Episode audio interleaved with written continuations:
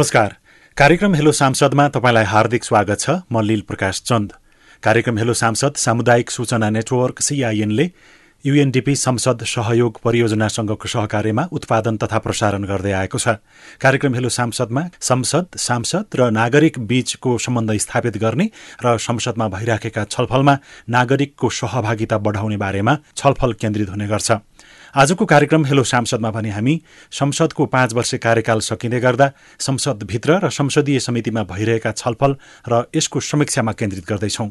समीक्षाका लागि पूर्व सभामुख सुभाष चन्द्र नेमुवाङ ओन्सरी घरती र राष्ट्रिय सभाका अध्यक्ष गणेश प्रसाद तिमल सिन्हासँग आजको कार्यक्रम हेलो सांसदमा छलफल गर्दैछौँ। सुरुमा हामी छलफल गर्दैछौँ नेकपा एमालेका संसदीय दलका उपनेता तथा पूर्व सभामुख सुभाष चन्द्र नेमुवाङसँग सर्वोच्च अदालतको आदेशबाट यो गठबन्धन सरकार कायम हुन आइपुगेको छ। त्यसको नेतृत्व शेरबहादुर देउबाज्यूले गरिराख्नु भएको छ। त्यो गठबन्धन सरकार जुन ढङ्गले क्रियाशील छ त्यसले संसद लगायत सबै क्षेत्रलाई असर पर्ने नै भयो। संसद त कानून बनाउने नागरिकका लागि कानून बनाउने थल हो मुख्यतया। सरकारले के गर्न सक्थ्यो अझ प्रभावकारी बनाउनको लागि? पटक पटक संसदमा यो कुरा उठाएका छौँ। हाम्रो तर्फबाट सरकारको ध्यान आकर्षण गराएका छौँ। हामीले प्रधानमन्त्रीजीलाई भेटेर पनि भन्यौँ हाम्रो बुझाइमा लोकतन्त्र भनेको यो होइन। संसदीय प्रणाली भनेको यो होइन जुन अहिले चलाउन खोजिराखिएको छ। प्रमुख प्रतिपक्ष भनेको राज्यको अभिन्न अङ्ग हो। अहिले हामी प्रमुख प्रतिपक्षमा छौँ। सर्वोच्च अदालतको आदेशप्रति हाम्रो टिप्पणी छ। तर त्यति हुँदा पनि हामीले सर्वोच्च अदालतको आदेशलाई कार्यान्वयन गर्दै हामी यहाँसम्म आइपुगेका छौँ। प्रतिपक्षको भूमिका भनेको त्यही चौध सांसदको विषय मात्रै अथवा त्यो बाहेक अझ अलिक बढी एमाले प्रमुख प्रतिपक्षको भूमिका खेल्नु पर्थ्यो त्यो खेलेन भनेर पनि सुनिन्छ नि। त्यसमा चाहिँ तपाईँहरूको के हो टिप्पणी? हाम्रो मूल कुरा भनेको सर्वोच्च अदालतले परमादेशको आदेशबाट संविधानले नचिनेको बाटो अप्नायो। संसदको प्रस्तावबाट होइन। सर्वोच्च अदालतको आदेशबाट अहिलेको यो सरकार स्थापित भएको छ। प्रतिपक्षलाई त गन्दै गन्दैन। प्रतिपक्षसँग कुनै पनि सम्बन्ध राख्दैन। घेराबन्दीमा पारेको एक्लै आएको भनेर तपाईँहरूले बुझिराख्नु भएको छ। यदि यस्तो स्थिति नबनेको भए संसदले कति धेरै काम गर्नु के के काम अझ बढी गर्न सक्थ्यो जस्तो लाग्छ? लामो समय त सरकारले संसदलाई बिजनेससम्म दिन सकेन।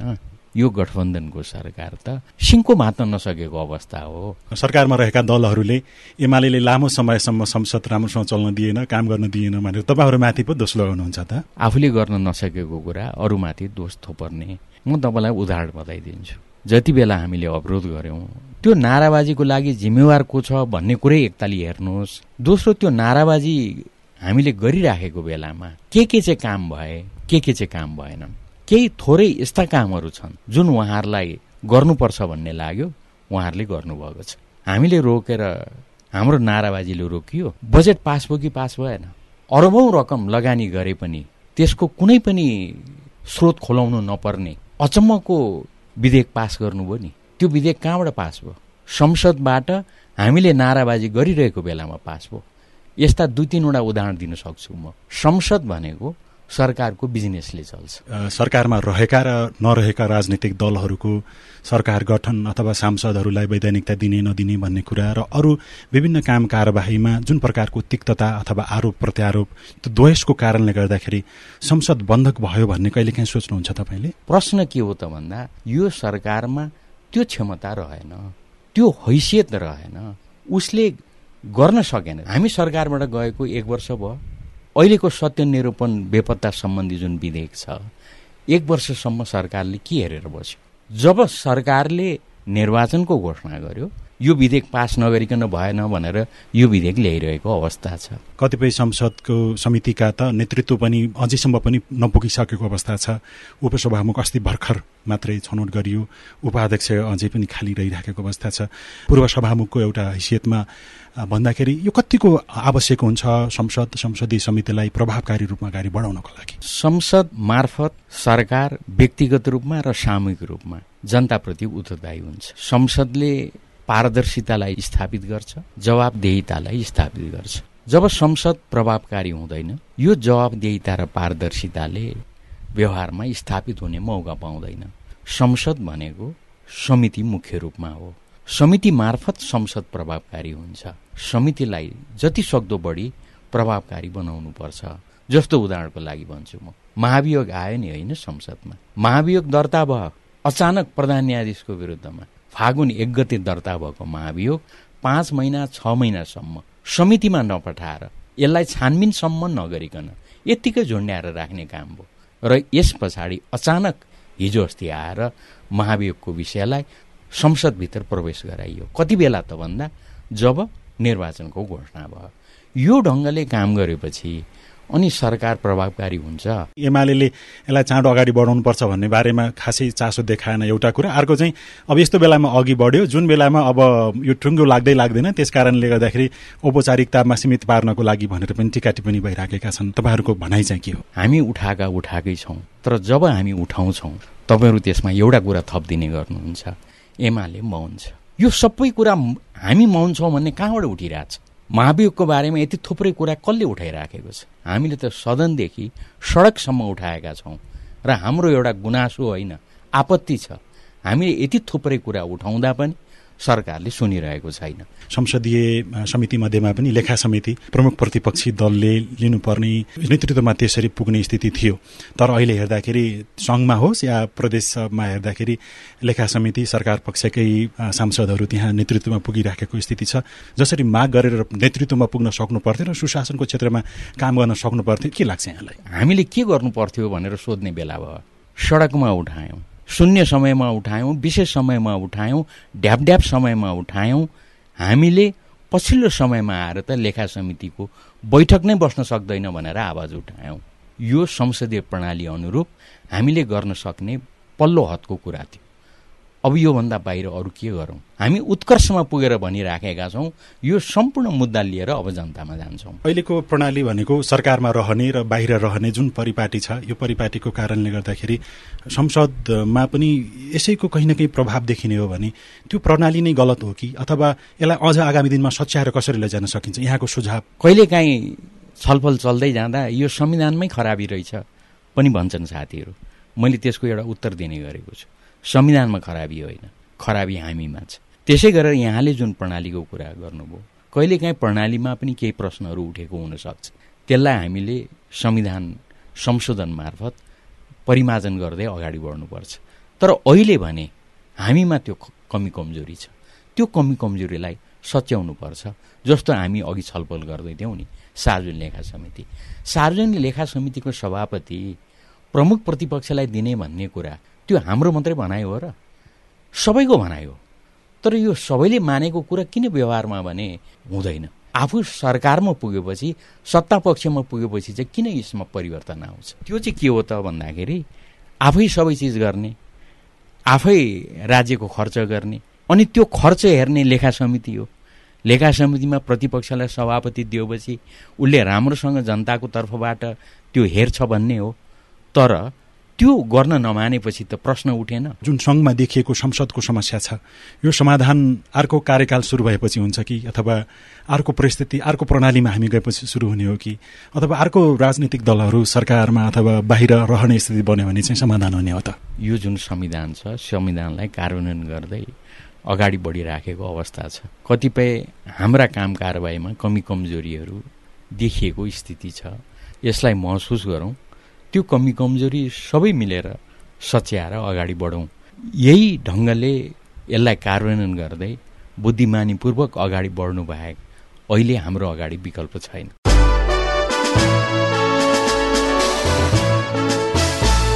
पूर्व सभामुख सुभाष चन्द्र नेवाङसँगको कुराकानीपछि अब पूर्व सभामुख ओन्सरी घरती मगरका कुरा सुन्ने पालो।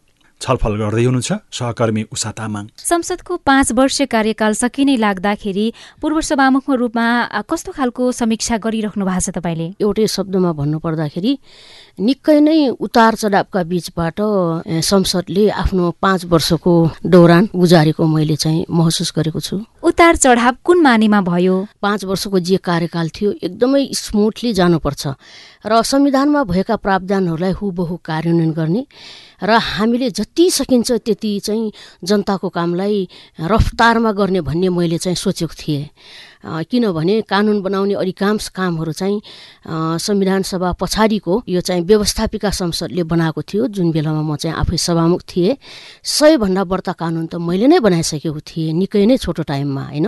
तर यस बेलामा चाहिँ कानुन केही केही कानुनहरू जसले चाहिँ हामीलाई बाधा पुर्याउँछ त्यो पनि निर्माण गर्दै जाने र जनताको कामलाई चाहिँ हामीले जति सकिन्छ चाँडोभन्दा चाँडो गर्नुपर्ने त्यस्तो हुनुपर्ने हो। ती कानुन बनाउने कामहरू जे छन् ती सीमित कानुनहरू बनाउने कामहरू पनि हामीले एकदमै ढिल्लाला गरियो। गर्नुपर्ने कामहरू चाहिँ अहिले पनि अब राख्नु पर्ने जे अवस्थाहरू आयो यो चाहिँ त्यति धेरै सुखद पक्ष होइन। नौ महिनाहरू चाहिँ लगातार चाहिँ संसद अवरोधकै अवस्था थियो होइन। एउटा वर्ष त यतिकै गयो नि त।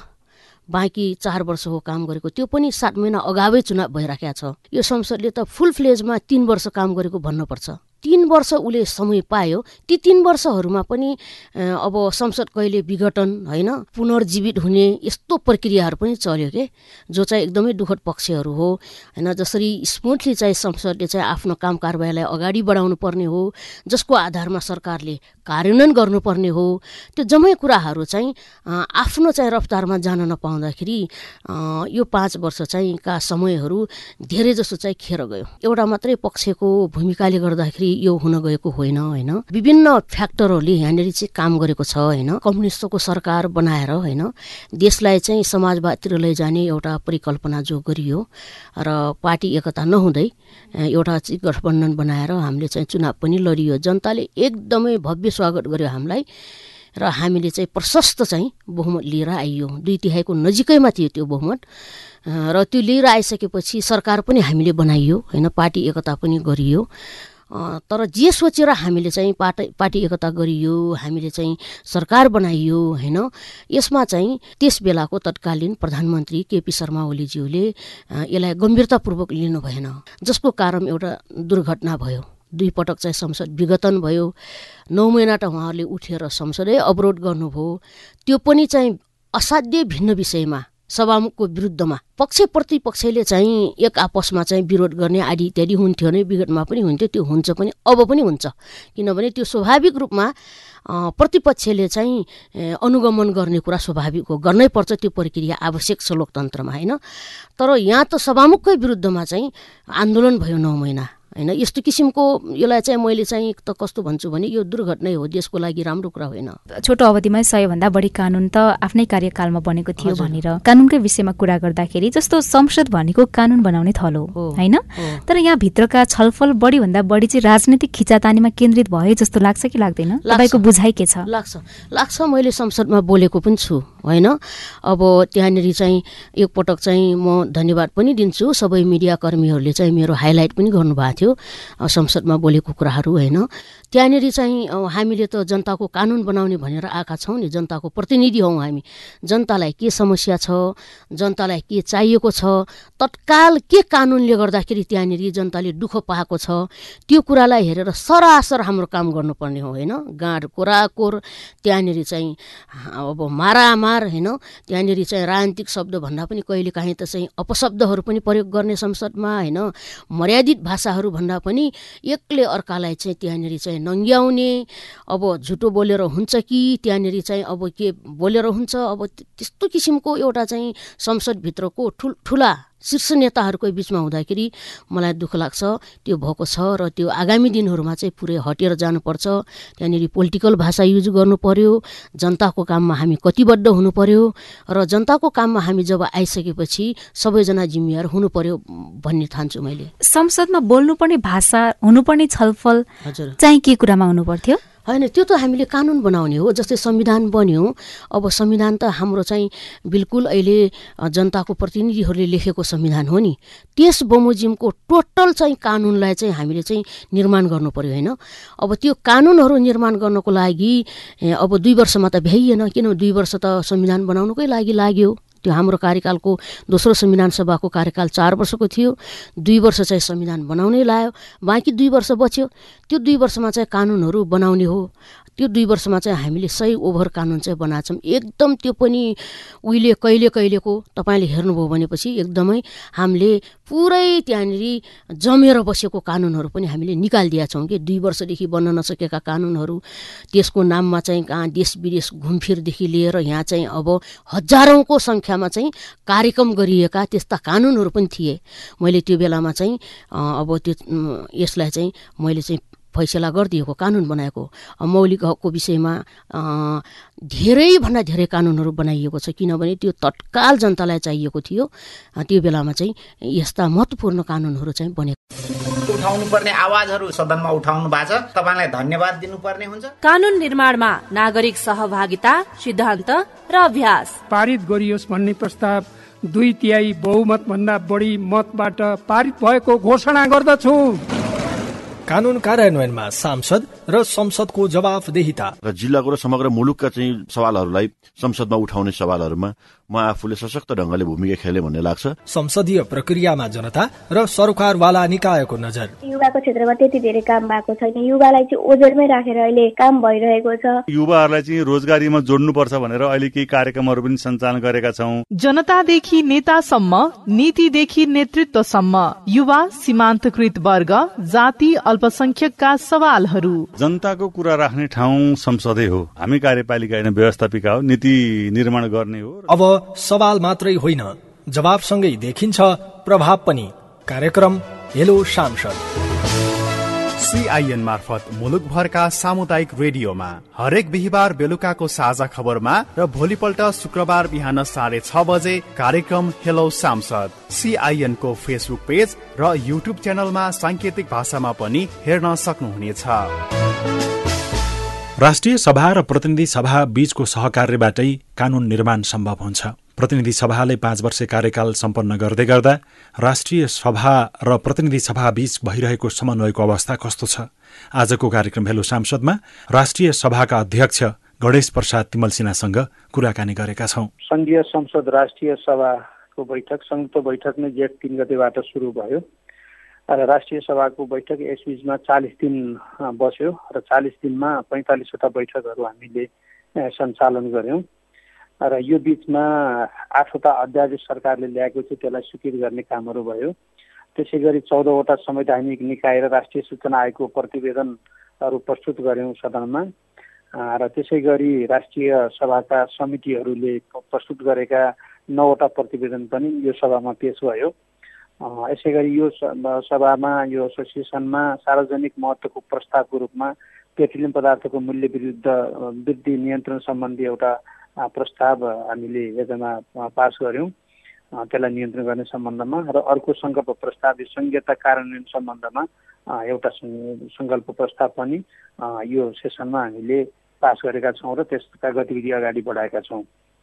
त्यसै गरी यो सेसनमा हामीले विभिन्न विधेयकहरूलाई प्रमाणीकरण गर्ने पास गर्ने काम पनि गरेका छौँ।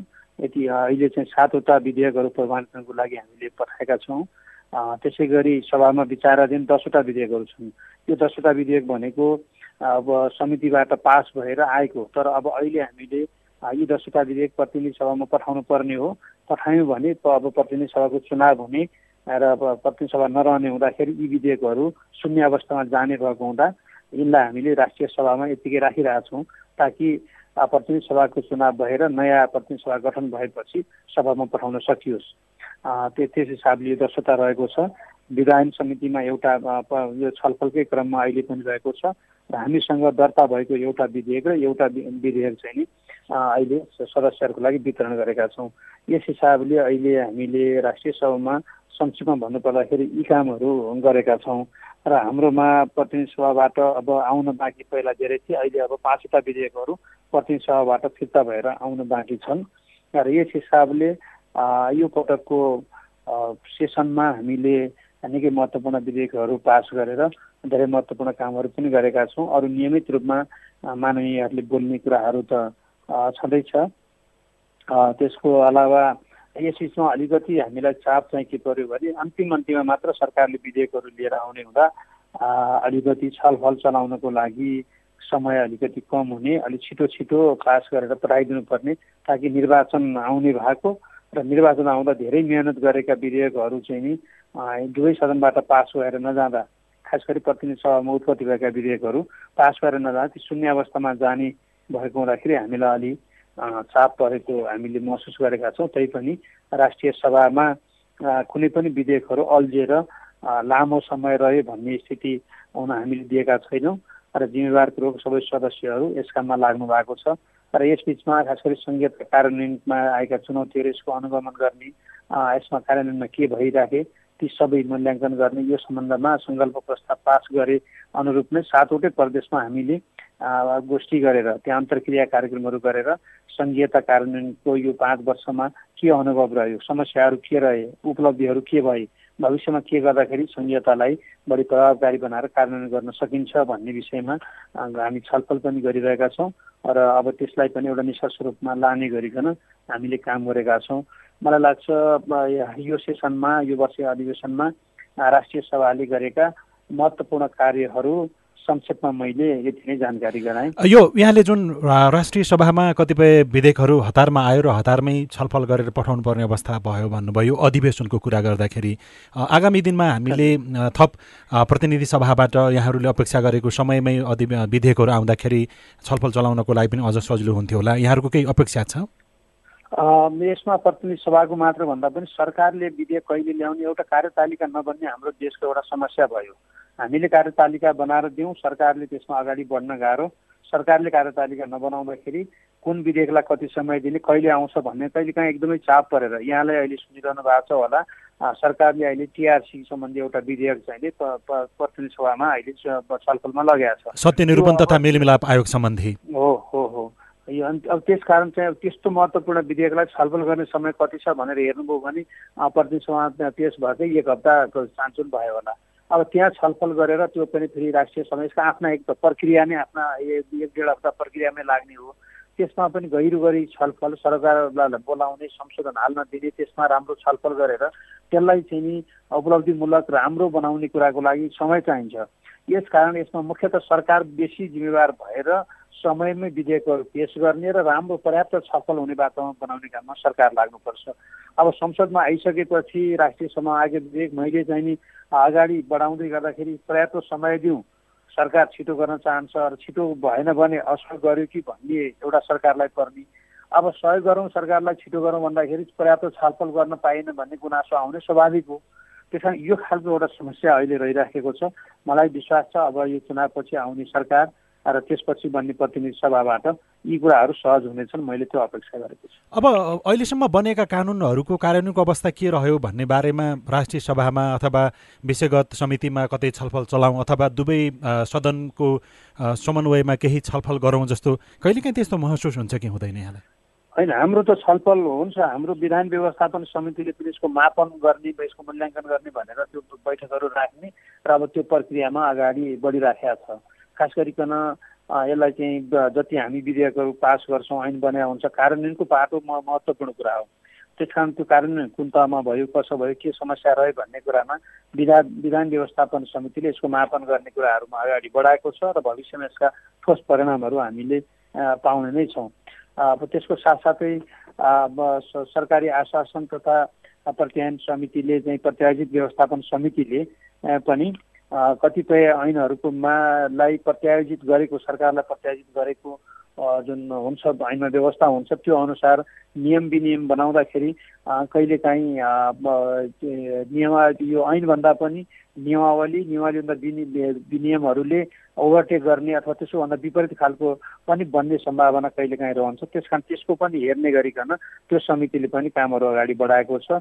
र मलाई लाग्छ आउने सेसनहरूमा यी कुराहरू अत्यन्तै महत्त्वपूर्ण ढङ्गले चाहिँ छलफल हुनेछ र एउटा राम्रो निष्कर्ष जसको फिडब्याकले गर्दा सरकारलाई अगाडि बढ्न संसदलाई अगाडि बढ्न बनेका कायम ऐनहरू कार्यान्वयनमा लानको लागि सहजता हुनेछ। केही समितिहरू जसले नेतृत्व पाइराखेका थिएनन् त्यो पछिल्लो समयमा आज मात्रै यसले पूर्णता पायो। त्यो समितिले नेतृत्व नपाउँदाखेरि अथवा यहाँले माथिबाट हेर्दाखेरि कतै समितिहरू अझ जति सक्रिय क्रियाशील हुनुपर्थ्यो प्रभावकारी हुनुपर्थ्यो त्यस्तो नभएको। अब नेतृत्व पाइसकेपछि केही होला भन्ने त्यस्तो आशा अपेक्षा छ यहाँसँग?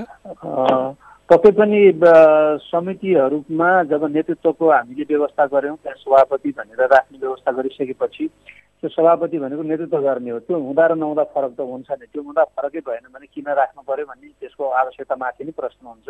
स्वाभाविक हो। अब समितिमा सभापति नहुँदा ज्येष्ठ सदस्यले सञ्चालन गर्ने हुँदा एकातिर त के हुन्छ भने ज्येष्ठ सदस्यलाई म कति समय भयो यो भनेर उहाँले मेहनत गर्ने आफ्नो पर्फर्मेन्सको बारेमा पनि भोलि चाहिँ अब यसको लागि के हुन्छ र भन्ने एउटा रहने हुन्छ र अरूले पनि हेर्ने नजरहरू फरक हुन्छ। त्यसपछि एउटा रुटिन बनाएर चल्न पनि ज्येष्ठ सदस्यलाई अप्ठ्यारो हुन्छ। त्यसकारण समिति नहुँदाखेरि अप्ठ्यारो थियो। मैले सुरुदेखिबाटै समिति निर्माणमा धेरै पहल गरेको हो। गर्दा गर्दै पनि अब यो समितिमा पनि सरकारको सरकारको गठबन्धनको सरकार त्यसको चाहिँ नि समीकरण त्यसले यहाँ पार्ने प्रभाव आदि कुराले गर्दाखेरि उहाँहरूले छलफल गरेर समितिको विभाजन नेतृत्व दुईवटा कुरा गर्नुपर्ने। समितिमा कुन कुन समिति कुन कुन दलले लिने के गर्ने त्यो पनि छलफल गरेर उहाँले टुङ्गाउनु पर्ने अनि त्यो समितिमा पनि सभापतिको सांसदहरूमध्येबाट पनि आफूले पाएकोमा को भन्ने यो कुरामा अलि लामो समय अल्झेको मलाई लाग्छ। बाहिरबाट हेर्दा अध्यक्षले कार्य यो चाहिँ अगाडि बढाएर समितिको सभापति चयन गराउन सक्थ्यो भन्ने हुन्छ त्यो स्वाभाविक मेरो जिम्मेवारी हो। तर यस्ता कुरा त समझदारी पार्टीहरू र सरकार दलसँग सबैसँगको समन्वय र छलफलबाटै गर्नु पऱ्यो मेरो अधिकार छ भनेर मैले गरिदिँदा उहाँहरू छलफलमै जान नपाउँदै बन्यो भने पनि राम्रो हुँदैन भन्दा मैले पर्खदाखेरि अलि लामो समय गयो। जे होस् आज अब शपथ ग्रहण गरिसक्नु भएको छ। र अब यी कामले गति लिनेछन्। तर गति लिनेछन् भनिरहँदाखेरि एउटा कुरा के पनि बिर्सन सकिँदैन भने उहाँहरू सबै दलको नेताहरू हुनुहुन्छ कार्यकर्ता हुनुहुन्छ अब प्रतिनिधि सभाको चुनाव प्रदेश सभाको चुनाव लागेको छ। चुनाव अगाडि त कति धेरै गर्नु होला तर चुनाव सकिएपछिबाट मलाई पुरा विश्वास छ। हाम्रा चारवटै समितिले पुरानो अनुभवलाई पनि सँगालेर यसलाई द्रुत गतिले आफ्ना कामहरूलाई अगाडि बढाउनु प्रतिनिधि सभाको पाँच वर्ष कार्यकाल सकिँदै गर्दा भइराखेका गतिविधि काम कारवाहीको समीक्षा गर्दा गर्दै आजलाई कार्यक्रम हेलो सांसदको समय सकिने लागेको छ। आजको कार्यक्रम हेलो सांसदमा पूर्व सभामुख सुभाष चन्द्र नेमवाङ वंशरी घरती मगर र राष्ट्रिय सभाका अध्यक्ष गणेश प्रसाद तिमलसिन्हासँगको छलफल प्रस्तुत गर्यौं। आगामी अङ्कमा अर्को विषयको साथमा हामी उपस्थित हुनेछौँ। तबसम्मको लागि प्रविधिमा साथ दिने सुनिल राज भारतलाई धेरै धन्यवाद दिँदै लील प्रकाश चन्द पनि विदा हुन्छु। नमस्कार।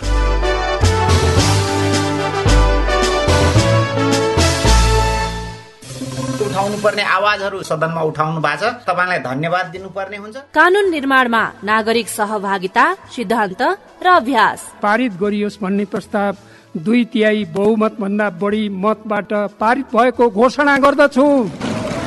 कानून कार्यान्वयनमा सांसद र संसदको जवाफदेहिता। र जिल्लाको र समग्र मुलुकका चाहिँ सवालहरूलाई संसदमा उठाउने सवालहरूमा म आफूले सशक्त ढंगले भूमिका खेले भन्ने लाग्छ। संसदीय प्रक्रियामा जनता र सरकारवाला निकायको नजर। युवाको क्षेत्रमा त्यति धेरै काम भएको छैन। युवालाई चाहिँ ओजरमै राखेर अहिले काम भइरहेको छ। युवाहरूलाई चाहिँ रोजगारीमा जोड्नुपर्छ भनेर अहिले केही कार्यक्रमहरू पनि सञ्चालन गरेका छौँ। जनतादेखि नेतासम्म नीतिदेखि नेतृत्वसम्म युवा सीमान्तकृत वर्ग जाति अल्पसंख्यकका सवालहरू। जनताको कुरा राख्ने ठाउँ संसदै हो। हामी कार्यपालिका होइन व्यवस्थापिका हो नीति निर्माण गर्ने हो। अब सवाल मात्रै होइन जवाबसँगै देखिन्छ प्रभाव पनि। कार्यक्रम हेलो सांसद सिआइएन मार्फत मुलुकभरका सामुदायिक रेडियोमा हरेक बिहिबार बेलुकाको साझा खबरमा र भोलिपल्ट शुक्रबार बिहान साढे छ बजे कार्यक्रम हेलो सांसद सिआइएन को फेसबुक पेज र युट्युब च्यानलमा साङ्केतिक भाषामा पनि हेर्न सक्नुहुनेछ।